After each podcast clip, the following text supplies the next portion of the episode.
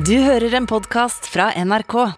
En skulle jo tro at eh, når temaet var de høye matvareprisene, noe som angår absolutt alle nordmenn, at det var ganske enkelt å invitere til debatt rundt et sånt tema. Men tilfellet er det stikk motsatte. Jeg må si at uh, denne gjengen her med aktører innen matvarebransjen er jeg kanskje, den jeg kanskje kvier meg aller mest for å uh, gå løs på. Fordi dette er en delvis lukket krets. Det er snakk om få aktører. De er veldig avhengige av hverandre. De er delvis engstelige for hverandre. De er redde for å tråkke hverandre på tærne. De driver et spill.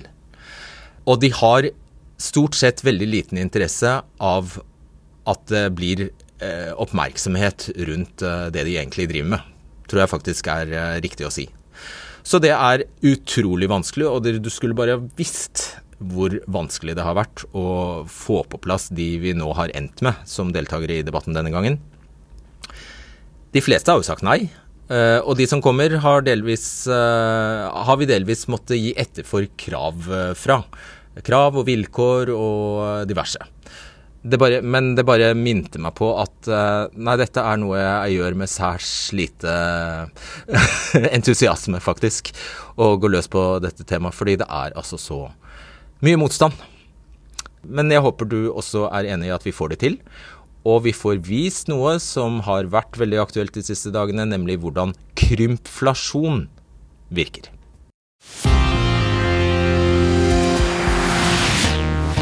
Hvis jeg har en vare jeg vil selge, er det egentlig to måter jeg kan tjene mer på den samme varen. Jeg kan øke prisen, det vet jeg blir upopulært, men jeg kan også gjøre varen mindre og ta samme pris.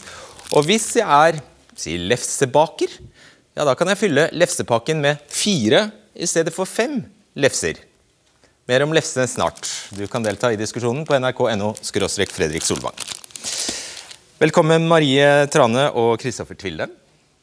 Dere er begge influensere, og Marie, du eh, er opptatt av at mat ikke skal svi i eh, lommeboka. Du har mange følgere på, eh, på Instagram. Hva forteller du dine følgere om mat? Jeg er opptatt av både at mat skal være bærekraftig og enkel og sunn, men eh, særlig rimelig. Og da er det gøy at det er mange av de samme tipsene som eh, kan funke til eh, alt der. Så jeg prøver å dele inspirasjon til hvordan man kan spise litt rimelig og lure seg unna matprisene om dagen. Og Hva er det beste trikset for ikke å bli ruinert nå når alt er så dyrt? Vi har mange tips, vi som er gode på rimelig mat. Men Blant annet så handler det om å spise litt mer grønnsaker, eh, litt mer belgfrukter. Og kutte litt ned på animalske matvarer som kjøtt og meieri. Og kanskje også tillate seg litt mindre snacks og godis, hvis det er akseptert. Og så handler det jo mye om matsvinn og utnytte ressursene til det fulle. Akkurat. Kristoffer eh, Tvilde, du har også mange følgere på, eh, på, Instagram. Og du har i det siste fått hundrevis av meldinger fra desperate mennesker som rett og slett ikke vet sin arme råd nå når eh, prisene har blitt så høye. Hva forteller du dem? Eh, de merker veldig godt at kjøttprisene, meieriprisene og kaffe spesielt da, er matvarer som går veldig mye opp. Eh, og Det som er et sånn forbruksmønster som går igjen, er jo dette her med at det er veldig lite planlegging i ukeshandelen. Så det de gjør, er at de går i butikken hver dag uten en plan på hva de skal kjøpe. Og Det fører jo da til at det blir en del eh, matsvinn, som rett og slett gjør at eh, mata går i søppelkassen istedenfor at den blir spist opp. Og det er veldig dyrt. Ja, ikke sant. Og du påstår selv at du kan spare 6500 kroner i måneden på mat. Hvordan gjør du det? Ja, det Hvis du tar utgangspunkt i et SIFO-budsjett på en familie på fire, så sparer jeg ca. det. Og, og, det jeg gjør da, er at jeg handler kun én gang i løpet av uka. Og et annet ting er at jeg alltid spiser opp maten min. Så det vil si at jeg minst har én fast restemiddag i uka. Akkurat. Det dere forteller om at mange har det knagert nå, det har Forbruksforskningsinstituttet SIFO undersøkt også, og det stemmer. Mange sliter nå. Hele 130 000 husholdninger er såkalt ille ute. Og I denne gruppa har et stort flertall på 89% problemer med å betale for mat og nødvendig forbruk. De SIFO kaller sliterne har det noe romsligere, men de utgjør hele 280 000 husholdninger i Norge. Og de sliter betydelig med å betale regning, f.eks. Det er et tidvis et problem for de fleste i denne gruppa, og 35% sliter med å betale for mat i denne gruppa. Så det er ingen tvil om at det vi skal snakke om i kveld, er veldig aktuelt for, eh, for mange. Men jeg vil et øyeblikk tilbake til Denne lefsa, fordi det at pakkene blir mindre, det har faktisk et navn. Det kalles krymflasjon. Er eh, dine følgere kjent med det? Det er de faktisk. Og jeg stilte dem faktisk spørsmål i går.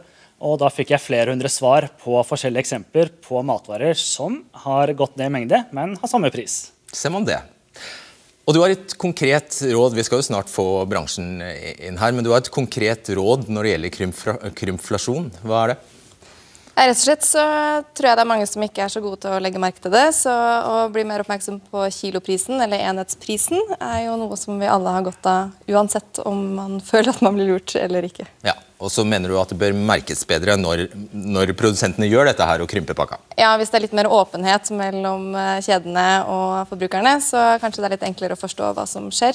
Og så blir merka litt tydeligere. Kristoffer, eh, du har skrevet sparekokeboken 'Spis som en konge' på eh, budsjett. Hva må man ha i kjøleskapet hvis man skal få til det du gjør? Da må du ha noen basisvarer. og Da vil jeg slå slag for gulroten. Den er billig. Den er veldig fleksibel og funker til de aller fleste matvarer. Den kan du spise kaldt, i gryter, i supper, hva du måtte ønske. Nettopp. Og um, Maria, du har skrevet boka 'Middag for 25 kroner'. Er det virkelig mulig? 25 det er, kroner? Det er virkelig mulig, og nå skrev jeg den i 2020. Så i går måtte jeg ta en runde og sjekke om det fortsatt var mulig. Og det var det. Hva spiser man da? Det, det det handler om, er at vi må gjøre noe med vanene våre. Eh, jeg tror at eh, mange er vant til å handle det samme hver gang man går på butikken. Så hvis vi kan gjøre om eh, vanene våre litt til å som jeg tidligere har sagt, spise litt mer grønnsaker og se på kiloprisen og kaste mindre mat, så er det ganske mye som kan utgjøre Men jeg ble så nysgjerrig. 25 kroner, hva får man for det kålrabistappet? Liksom? Nei, absolutt ikke. Hvis du tar f.eks. Eh, kikerter, så koster det 10 kroner for en boks med kikerter. Og nå koster det snart 90 kroner med en boks med kyllingfilet. Så da, hvis du har det i en gryte med litt kokosmelk og grønnsaker, så har man kommet ganske, ganske langt. og så har vi eh, gitt dere en utfordring. Eh, du Kristoffer, har med deg noe her. Dette er matpakken til datteren din. Det er helt korrekt. Det, og hvis vi opp, ja. ser her, så er vel dette her noe som folk har sett. Restene fra matpakka. Uh, og det er noen paprikabiter her og sånn i tillegg. Og så er utfordringen Dere påstår at dere skal, basert på tre ingredienser, faktisk bare, greie å lage et fullverdig måltid innen denne sendingen er over. Er det sånn? Ja. Det skal gå veldig greit. Det klarer vi. Det klarer vi. Da skal, da skal det, vi skal møte dere etterpå. Da skal dere bare få ta plass på bakrommet her. Og så er vi spent på resultatet. Løp og kok. Ja. Eh, I denne lefsepakken som jeg nevnte fra Bertas, så pleide det altså å være fem lefser. Nå er det fire lefser. Og Administrerende direktør i Bakst opplyser at han ikke kan komme hit fordi han er på en messe i Paris. Eh, men han sier at den høyere prisen skyldes, eh, skyldes kostnader til råvarer, bl.a. jordbruksoppgjøret med dyrere mat, potet og smør, i tillegg til dyrere margarin og krydder. Og Dessuten hevder han at prisen på emballasjen har økt med over 30% på ett år, og at frakt har blitt dyrere. Og så er det sikkert mange som har fått med seg at NRK i forrige uke fortalte at Kiwi hadde satt opp prisen på gårdsegg i flere omganger. Og til slutt krympet denne pakken med egg fra 18 egg til 12 egg. Og det ga en prisøkning på 74 det er Stein Rømmerud, direktør for kommunikasjon og samfunnskontakt i Norgesgruppen, som altså driver eh, Kiwi. Hva hadde du selv tenkt hvis du kom til butikken og oppdaget dette? Jeg er som forbruker eh, relativt eh, opptatt av pris, så jeg følger med på prislappen på hylla og kjøper det produktet som jeg mener har den beste prisen. Så jeg ville nok ha valgt et produkt som jeg, som jeg, likte prisen på. Men heldigvis, da, akkurat dette produktet det bytta jo navn fra Eldorado som det het den gangen, til First Price. Så eh, det finnes fortsatt en 18-pakk i Kiwi, og den har samme prisen som før. Ja, da må du forklare. Hva er det dere har gjort? Dere har bare byttet emballasje på eggpakkene? Ja, denne her het jo Eldorado tidligere. Nå heter den First Price. Før så kostet den 37,90. Jeg handla den her på Kiwi på Skøyen tidligere i kveld, og da kostet den 36,60. Så den har faktisk gått litt ned i pris også. Hvorfor gjorde dere det? Du, First Price er en merkevare som eh, forbrukerne liker, særlig de som er veldig prisbevisste. og Denne pakningen her er veldig billig. og Derfor så valgte vi å bruke First Price-merkevaren, som er eh, kjent for nettopp det. Lave priser. Nå hørte jeg, jeg prøvde å høre etter her, Du sa at prisen på denne 18-pakningen sank med om lag en krone. Ja. Var det det du sa? Men eggene i den First Price-pakken der er mye mindre. De er litt mindre. Dette her er da egg som heter small til medium, og de forrige var på medium. Så det er litt forskjell. Ja, jeg har sett hvor små de kan bli. De kan bli små. Men prisen per egg nå da, det er lavere enn tidligere. To, rett over to kroner per egg. Egg er egg, Rømrud. Så hvorfor gjør dere altså, det, Dere har altså det dere i realiteten har gjort, er å gjøre noen egg eh, no, Egentlig så har dere gjort stort sett de fleste eggene dyrere. Nei, faktisk ikke. Altså, vi har i løpet av det året som er gått nå, fått en prisøkning fra leverandøren vår ca. 5% opp. Er Snittprisen på egg i Kiwi det er 3 lavere i dag enn det det var for et år siden. Så jeg leser i media at noen mener at eh, prisene har gått opp, men snittprisen på egg i Kiwi nå er faktisk 3 lavere i dag enn det det var for et år siden. Tjener dere mer eller mindre sammenlagt på egg etter dette? Nå tjener vi mindre. Marginen er mindre, og akkurat den pakningen her, den går vi i minus på. Ja, det har, det har lagt merke til at dere påstår at dere selger egg med, med tap. Det, er jo overskudd på egg i Norge, så hvis dere selger egg med tap, så må jo det gjelde alle de andre også? Du, det finnes forskjellige typer egg. Det er både forskjellige størrelser og forskjellige merker. Noe er såkalt uh, Norgesgruppens egne merkevarer, og noe kommer fra leverandører. og Derfor er det også helt ulike prispunkter på det. Men uh, vi vet nå at vi har Men dere har jo ikke egne høner i Norgesgruppen. Dere kjøper jo egne fra seg. Vi kjøper eh, alle produktene våre fra Ja. ulike leverandører. Det gjør vi. Uh, Men vi kjemper jo på da, presse pris for å prøve å holde lavest mulig pris ute i markedet. Og som en del av det så forhandler vi også hardt med, med leverandørene. og Det er viktig for å holde prisveksten nede. Vi skal gi oss med egg eh, straks, men kom dere dårlig eller godt ut av den runden der med, om eldorado-eggene, syns du? Vi burde ha vært mye tydeligere. Vi burde ha sagt, sagt med en gang at 18-pakningen finnes fortsatt, men at den i dag heter First Price og ikke Eldorado. Da går vi over på tørkeruller og dopapir her. For eh, hos eh, Kiwi, Coop og Rema så kostet de billigste åtte rullene med dopapir åtte kroner tidligere. Nei, de kostet med, med altså åtte ruller kostet tidligere for et år siden 11,90. Nå koster de 16,90. Så prisen har altså steget med 42% og Er du ute etter de billigste tørkerullene, så har prisen steget med 66% det siste året. Nå er det altså ikke mulig å kjøpe fire tørkeruller i Norge for under 30 kroner, er det ikke sånn? Jo, det stemmer. Prisene er, eh, er mye høyere nå enn det det var for et år siden på både eh, toalettpapir og på tørkepapir. Hva er forklaringen nå? da? Har du solgt det også med tapp? Du, Der er det faktisk sånn at råvareprisen på papir har gått opp kraftig. Jeg, jeg sjekka nå, for jeg visste at du ville spørre om akkurat disse to varene på forhånd. og På toalettpapir og tørkepapir eh, som vi selger fra vår egen eh, importør, da, Unil, så eh, har prisene gått opp 68% fra leverandør. og Det er da eh, produksjonskost og transportkost. Det? Og i papir er det tre, tre da, som er blitt dyrere? Eller? Det, det har jeg ikke oversikt over, men råvareprisen har gått opp så mye. og Alt det andre som skal til for å produsere. Det er strøm på fabrikken, det er transport, det er diesel osv. Alle disse eh, faktorene her, de påvirker pris. Hvorom allting er, dere har jo da fjernet eh, de billigste alternativene her. Altså De billigste alternativene har blitt veldig mye dyrere.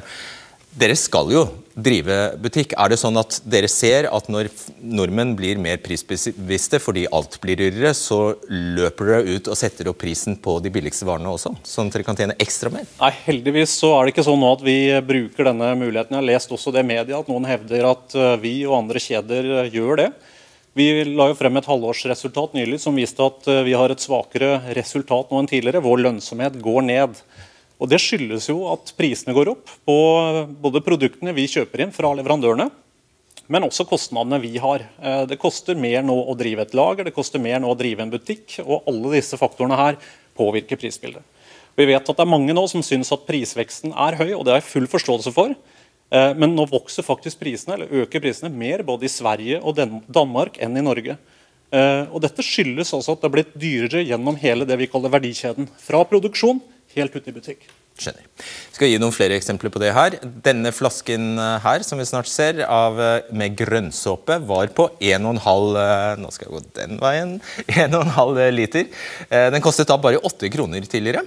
Så ble prisen satt opp til 15 kroner, og vips ble flasken halvert i størrelse. Mens prisen forble omtrent den samme, og det skjedde hos alle kjedene. På én uke i høst, faktisk. Og i, eh, ja, skal legge til det, i helgen ble prisen på grønnsoppe satt ned, merkelig nok, etter noe oppmerksomhet rundt vaskemidler. Så var det bacon. Dette er en av de mest populære varene for eh, oss nordmenn. Gilde stjernebacon hadde seks skiver inntil i fjor, men så ble vekten redusert fra 140 gram til 120 gram, samtidig som antall skiver ble kuttet fra 65. Prisen ble ikke satt ned. Kjell eh, Rakkenes, du er konserndirektør i Nortura. Her bør du ha en god forklaring. Hva er den? Situasjonen var at Eh, vi hadde på det tidspunktet vi var midt i korona eh, i Norge. Det var stor råvaremangel på gris rett og slett i Norge.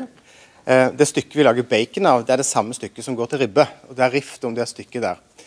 Vi var opptatt av å kunne tilby stjernebacon til norske forbrukere gjennom hele året. Så vi beslutta da å redusere vekten fra 140 til 120 gram, eller én skive, da, om du vil. Ja, Så ribba har skylda, er det det du sier? Nei, råvaremangel, rett og slett. Gilde er jo alltid norsk råvare, det er aldri import i Gilde. Og da må vi produsere med den mengden vi har tilgjengelig. Og under korona så var det forsyningsproblemer i Norge. Så Det var grunnen til at vi da valgte å redusere vekten på, på bacon. Markerte dere det tydelig, at nå, denne, nå får du mye mindre for pengene?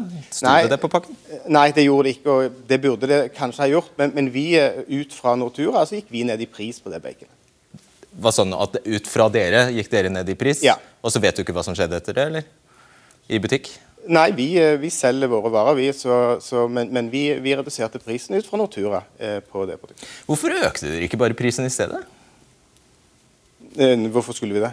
Nei, I stedet for å ta det ut i mindre vare? Nei, rett, rett og slett fordi at som du sa, stjernebacon er et populært produkt uh, blant nordmenn. Mange vil ha det, og vi ønsket å kunne tilby det gjennom hele den situasjonen hvor det var så lite råvarer tilgjengelig. Så det var omtanke for oss kunder at dere, måtte, at dere følte, måtte, følte dere måtte gi oss stjernebacon? Du kan si det på den måten, eller omtanke for merkevaren. Rett og slett Det er viktig for Gilde å være til stede med norske produkter ute i butikkene. Ja, Det er jo, ærligere, det, det er jo en ærligere versjon at dere ville fortsette å selge stjernebacon, men dere ja. hadde egentlig ikke nok bacon til å selge like mye stjernebacon. Helt, helt, riktig. Ja, helt riktig. Ikke sant. Eh, vi går videre til Soft Flora, som denne margarinen pleide å veie 600 gram, og så ble den krympet til 400, nei, 540 gram i februar. Mills, som produserer Soft Flora, er invitert, men kan dessverre ikke prioritere å komme hit, sier de. Forklaringen de har sendt oss, er at lokkene på de gamle begrene satt løst, noe som skapte problemer i produksjonen. Vi gikk derfor over til samme type grunnform som vi har på de mindre begrene. Dette er også en løsning som er bedre tilpasset butikkhyllene.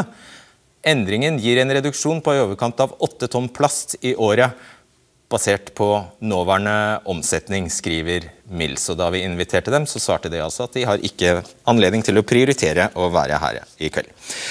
Før var det 14 tacoskjell i pakken til Santa Maria. Nå er det 10. Vi har vært i kontakt med administrerende direktør i Santa Maria, som opplyser at den ene grunnen til krympingen var at pakken eh, så Eller pakken var så dårlig at skjellene ble knust, så de ville forhindre matsvinn. Og når de først skulle endre, kuttet de etter forbrukerundersøkelser ned fra 14 til 10 skjell, fordi folk sa de ikke klarte å spise opp alle skjellene. Og Santa Maria Om Santa Maria hadde vært her, så kunne jeg jo spurt om eh, det var de samme skjellene som ikke ble spist, som også var knust. Det får vi ikke svar på. Så er det Dette blir smått, men Petterøes original 3.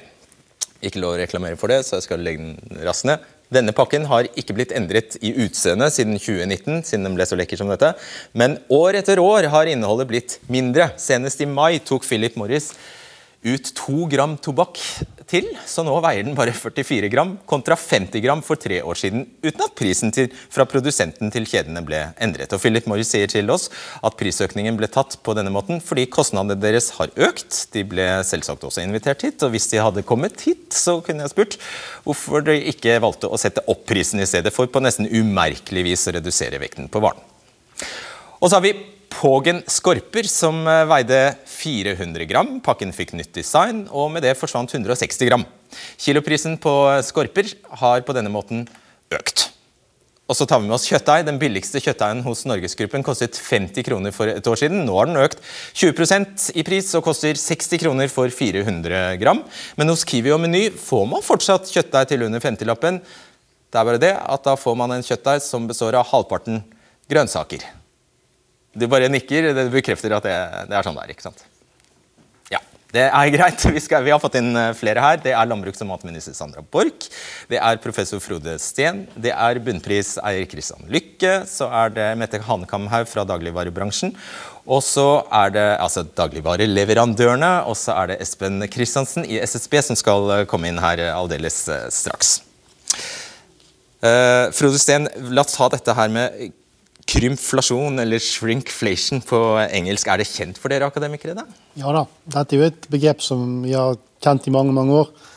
Og det, det er ikke noe nytt med det, men det er klart at, at nå har det blitt et voldsomt fokus da, på dette. Men du kan jo spørre deg kanskje hvorfor man gjør det. Ja, hvorfor gjør man det? Og det, det tenker jeg er egentlig tre enkle grunner. Det ene er det at uh, man gjerne går inn i butikk og skal ha en vare. Man er vant med å kjøpe den varen, og da griper man den varen. Så tenker man ikke over det. Man har kanskje det travelt. Men dette argumentet har brukt en del, og før var det jo sånn at uh, man ikke så kiloprisen i butikken. Og da måtte man faktisk regne ut òg hvis det ble en endring i, i, vekt. Men det slipper du nå. Nå kan du jo faktisk lese, og så får du det. Men det som er interessant, vi har faktisk sett på dette. Vi har sett på ulike produkttyper da, som, eh, der vi har gjort det vi kaller, de, det vi kaller downsizing. Da. Og det er Interessant nok så er det veldig varierende resultater. Eh, eksempelvis i Norgesgruppen så hadde man eh, når man prøvde å gjøre det med chips, så funket det grådig dårlig. Der fulgte kundene med. Når man gjorde det med ting som salami og med majones, så fulgte ikke folk som er i klassen. Da tjente man penger på det. i den forstand at da, økte man på en måte salget. Og Det andre er jo at man ser at det avhenger jo av hvor mye du gjør. da. Sånn, gjør du veldig mye, så får kunden mye lettere med seg. I så måte er vel kanskje Kiwi-eksperimentet ikke det beste. For, for clouet her er å gjøre det nokså umerkelig. Du bør gjøre det litt subtilt. Subtilt. Er det lureri? Er det, hva er det? Jeg, jeg, jeg syns det er hardt å kalle det lureri, men jeg tror det oppfordrer kunder til å være veldig obs. Og så tror jeg at hvis man gjør for mye av det, så kan du få sure kunder, og det er dårlig butikk for kjedene. Ja, Men det gjøres over hele verden, eller? Ja, ja, ja. Altså, jeg tror det er en, de gjør også hele retail. Eh, jeg tror det er bare klær jeg kjører med. Eh, lag, det, det hadde vært gøy. Det hadde merkes, tror jeg. Ok. Prisene har økt det siste året med 6,9 eh, Matvareprisene har ifølge SSB økt med enda mer, 12,1% Og Vi skal få inn Espen Kristiansen her fra Statistisk sentralbyrå. Dette tallet her, 12,1% det tror jeg mange ikke kjenner seg igjen i. fordi fordi de varene vi kjøper oftest har blitt langt dyrere enn det. Basisvarer som kaffe har økt med 27% mange typer smør 21% mel 25% Og TV 2 viste i september at en handlekurv med ja, her ser vi den, med vanlige varer som for et år siden kostet 447 kroner, i år koster 591 kroner. Og På denne handlelista ser vi at ja, det er sjokomelk, brød, laksefilet f.eks. Espen Kristiansen, du, i, eh, du, er sjef i seksjonen for prisstatistikk i SSB. Hvordan holder dere oversikt over alle prisendringer? Det er jo uhorvelig mange. Ja. Vi er så heldige at vi får veldig detaljerte og omfattende data fra de største dagligvarekjedene. Så vi har priser og omsatt eh, mengde på så å si alle varene de selger. Men eh, kan dere vite da at Ja, her skal jeg bare legge, legge til at Økningen i TV 2s handlekurv, prisøkningen var på 32,2% på ett år. Altså Ganske langt unna de 12% som dere kommer til uh, over hele linja. Uh, kan dere vite bare tilbake til krymflasjonen da, et øyeblikk, kan dere vite at det ikke foregår i omfattende skala? Uh, nei, Vi kan ikke være helt sikre på det, men det vi ser i våre data, at det er veldig lite sannsynlig at det foregår i en skala som påvirker de tallene som vi lager for konsumprisindeksen. Hvordan ser dere det? Ja, Da må jeg forklare litt om ja. hvordan vi regner ut uh, konsumprisindeksen først. Uh, og, og, hvorfor vi ikke klarer å fange opp krymflasjon i eh, KPI. Det har å gjøre med datakilden, og så har det å gjøre med prinsippene for hvordan man skal regne ut en prisindeks. Og KPI er konsumprisindeksen. Ja. ja. og datakilden er som sagt veldig detaljerte og omfattende filer fra dagligvarekjedene. Der har vi priser på veldig sånn spesifikke varer, definert ved strekkoden. Vi, også, vi, vet også hvor mye som omsettes av hver av de varene. Så sammenligner vi priser over tid på de samme varene. Altså Prisen vi sammenligner, er for én strekkode over tid. Og når da varen endrer størrelse, så får den en ny strekkode. Den nye varianten, når den kommer inn i datasettet vårt, så oppfattes det i våre beregninger som en ny vare. Vi har ingen pris å sammenligne den med på den strekkoden, så derfor får vi ikke med den prisendringen som eventuelt skjer idet eh, eh, varianten endres da, og, og størrelsen går ned. Hvis man bare bytter emballasje og kaller det eh, eldorado-egg for First Price-egg, blir det fanget opp? Jeg vil tro det også fører til en endring i strekkoden for at eh, dagligvarekjeden skal holde styr på produktene selv. Så det vil vi heller ikke fange opp. Nettopp. Um, og så er det en veldig viktig grunn til at vi, vi, gjør det på den måten. Og det er at første bud når du skal lage prisstatistikk, det er å sammenligne likt med likt. Altså at vi ikke blander sammen en mengdeendring og en prisendring. For da hadde du ikke lagd en prisindeks. Eh, da hadde du ikke visst helt hva det var som kom ut i andre enden. Um, så, så, så, det er de dataene veldig gode på. Um, så, så, grunnen til at vi ikke fanger opp krymflasjon som sådan, det er at vi ikke klarer å vite hvilke varer eller hvilke strekkoder som er like nok til at vi kunne ha sammenligna de uten å få problemer med å sammenligne litt. Hva er det som da gjør at dere likevel ikke tror at uh, dere går glipp av noe stort her? Det har å gjøre med at uh, andelen av uh, varene som vi har i denne her, datafila vår, som er nye hver måned, er veldig liten. Mm. Vi måler priser på et sted i overkant av 25 000 unike varer hver måned. Og da er den andelen som kommer inn som nye, og som vi ikke har noe pris å sammenligne med, på et sted mellom 0,7 og 0,8 av omsetningen. Det er ikke nok til at det skal ha noe som helst å si for konsumprisindeksen og på aggregert nivå. På aggregert nivå, ja. For enkelte detaljerte varegrupper så kan det ha litt å si. Det, det må vi innrømme. Men dette fører deg egentlig til en avslutning på resonnementet, nemlig at du kan avvise at uh, dere har gitt feil tall til Norges Bank, som igjen har satt renta vår feil. Ja, det her uh, har ikke noen effekt på konsumprisindeksen som er av en størrelsesorden som Norges Bank vil brydd seg med. Så det at vi ikke fanger opp krympflasjon, det, det har ingenting å si for rentesettinga. Jeg vil også føye til at um, det, selv om vi ikke fanger opp krympflasjon, så betyr ikke det at uh, prisveksten vi måler, er feil.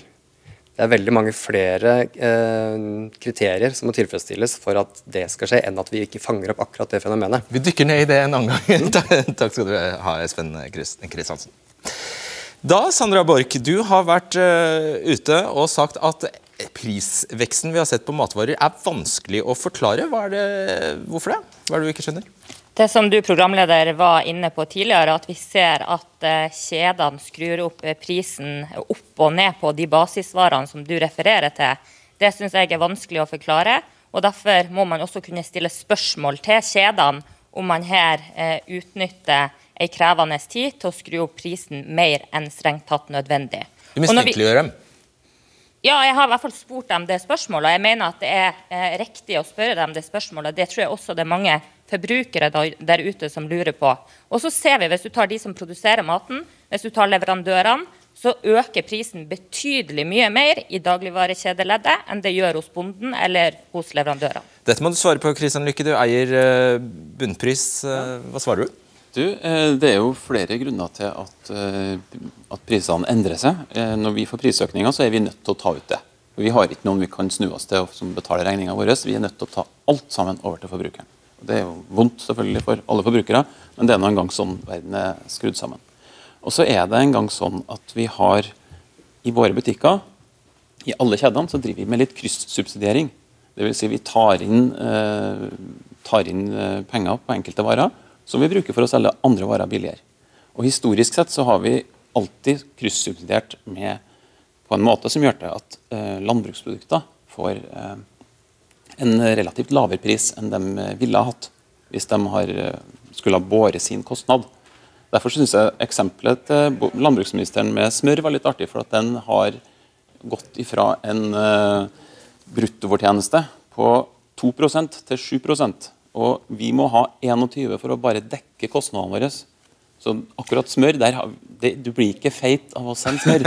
Men hva, sånn. Hvordan reagerer du på denne? Er, hun, hun, bekrefter jo, er, hun, hun mistenker det for egentlig urent trav og for å utnytte situasjonen. Ja, altså Alle handelsaktører vil prøve å ta godt betalt hele tida. Sånn er naturen. Men så er det konkurransen mellom oss som skal gjøre til at det ikke går utover forbrukeren. Og Den konkurransen den er like hard som før. Men det som har skjedd kanskje i det siste, som også som er en trend som eh, vi har sett litt av i siste nå, det er at eh, de her varene som vi har tatt, for, tatt fra, sjampo, balsam, eh, vi har tatt fra hygieneprodukter for å sponse landbruksprodukter, Der har det kommet en hel del kjeder som har tatt en posisjon, sånn som Normal, Rusta, Jula osv. Det vil si at vi har ikke den muligheten lenger. Så etter hvert nå så er vi nødt til å begynne å løfte prisen mm. også på landbruksprodukter, sånn at de kan forsvare sin egen plass i butikken.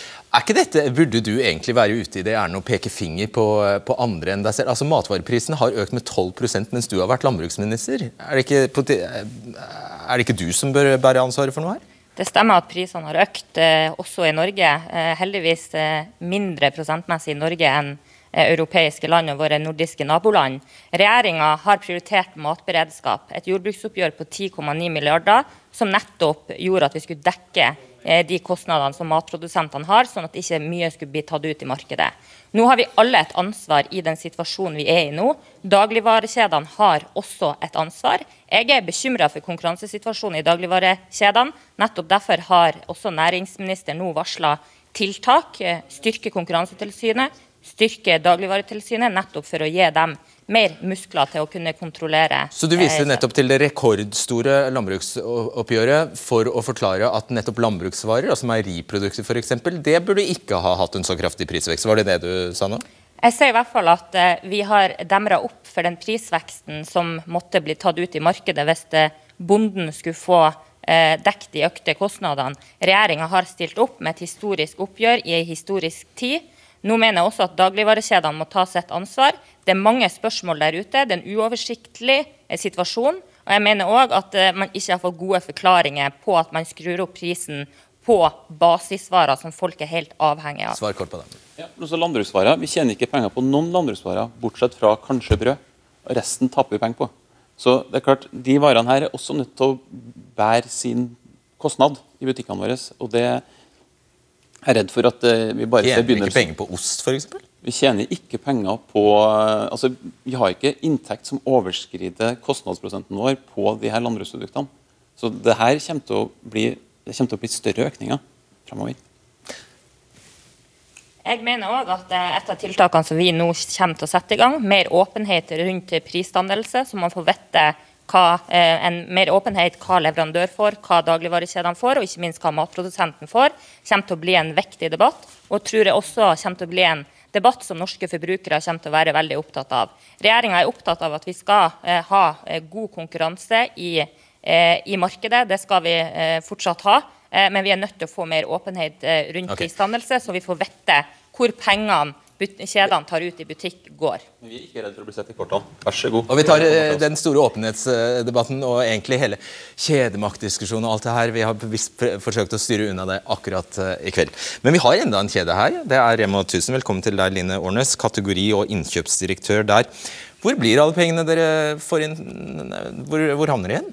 Så jeg forstår jo at eh, kundene er nysgjerrige på dette temaet her, eh, og er egentlig glad for at jeg har blitt invitert hit til å få lov til å fortelle litt om hvordan vi jobber med prissetting i Rema 1000. Og Det har jeg lyst til å gjøre med et veldig konkret eksempel. Man kan tenke seg at en kunde bruker 100 kroner i en Rema 1000-butikk. Og Av de 100 kronene så er det 20 kroner de går til staten. Det er avgifter eh, knyttet til moms eller avgifter på tobakk og øl. Så er det 7 kroner som går til Rema 1000. Og det er henholdsvis til tre kroner, som går til våre kjøpmenn.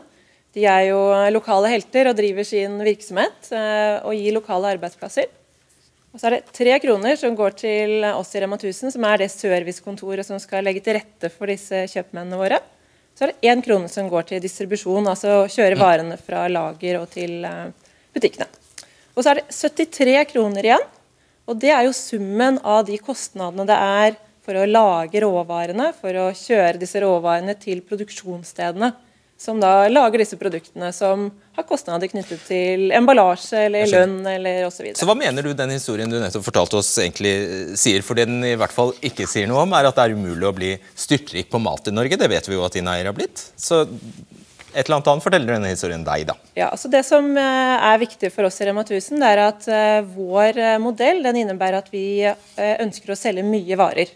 Vi ønsker å ha lave priser til kundene våre. Vi har en begrensa margin. Og vi tjener på at vi selger mer og mye varer. Og Det er den modellen som vi i Rema 1000 har hatt i 40 år, siden vi starta.